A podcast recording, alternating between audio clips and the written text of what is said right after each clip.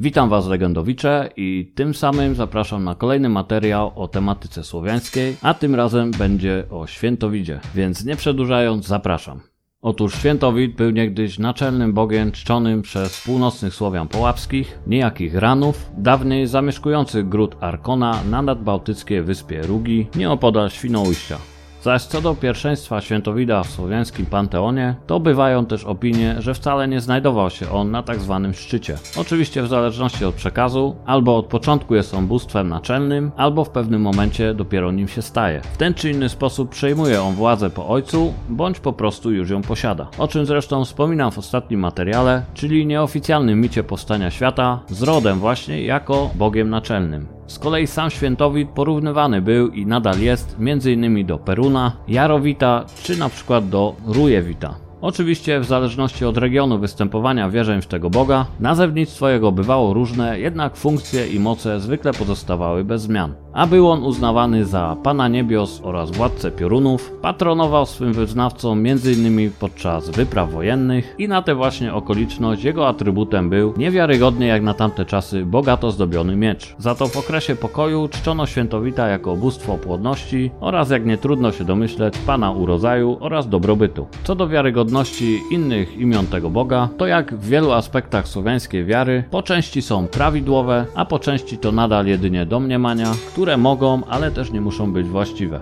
Jednak imię Świętowit z pewnością jest autentyczne i potwierdzone na terenach północno-wschodnich Niemiec oraz Polski nadbałtyckiej, natomiast często spotykana błędna forma imienia tego boga, czyli Światowit, jest jak najbardziej niewłaściwa i została usnuta na skutek niewiedzy i niewłaściwego odczytania łacińskiej formy jego imienia. W rzeczywistości imię tego bóstwa należy czytać właśnie jako Świętowit, zaś ową niewłaściwą formą, czyli Światowit, między innymi okrzyknięto posąg wydobyty w roku 1848 z głębin rzeki Zbrucz. W późniejszych czasach nazwano tak również polskie szkoły, osiedla, ulice, a nawet dość znane czasopismo a jeśli już mowa o danym czasopiśmie, to właśnie jemu zarzuca się największy wpływ na świadomość całego pokolenia Polaków, a jest nim pewna przedwojenna krakowska gazetka wielotematyczna, nosząca się pod ową nieszczęsną nazwą Światowit, utrwalając tym samym społeczeństwie ten katastrofalny błąd. Ale wracając do tematu samego świętowida, to miał on przypisane do siebie święte zwierzę. A w tym przypadku był nim biały jak śnieg ogier, na którym według Słowian nocną porą Bóg ten zwykł przemierzać świat ludzi,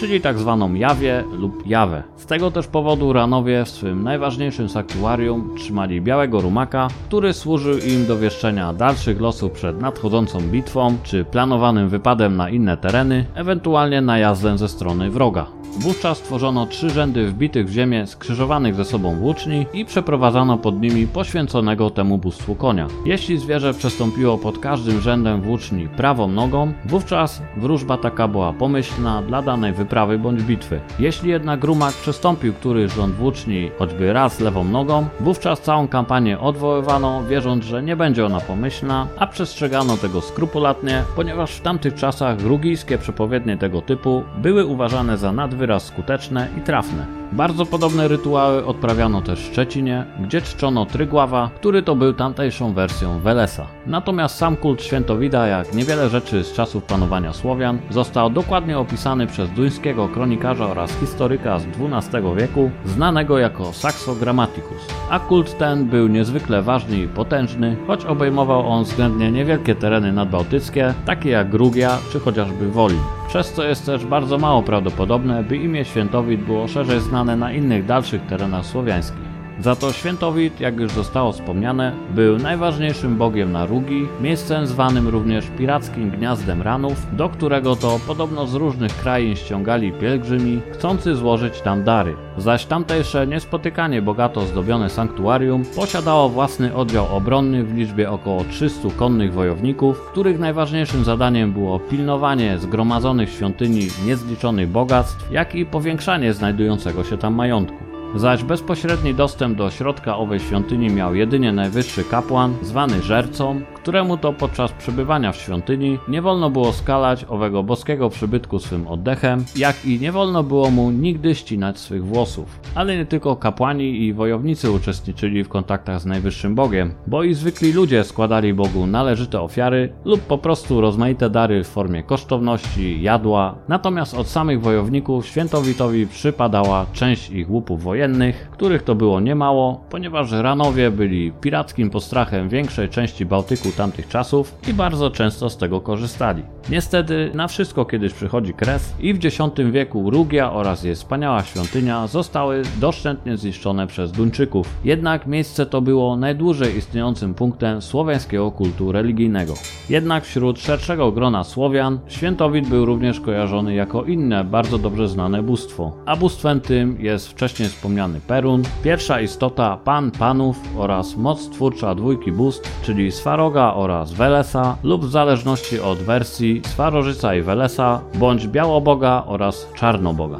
A jeśli chodzi o mitologiczny aspekt świętowita, to z tym bywało różnie. Bo w jednej wersji był on zamkniętym w lodowym więzieniu synem Roda, który przypadkiem został z niego uwolniony, po czym siłą przejął wszelką władzę. Inna zaś wersja nie mówi nic o świętowidzie jako o naczelnym bycie, a bóstwem najwyższym powstałym z nicości jest tam właśnie Perun, czasem zwany też świętowitem.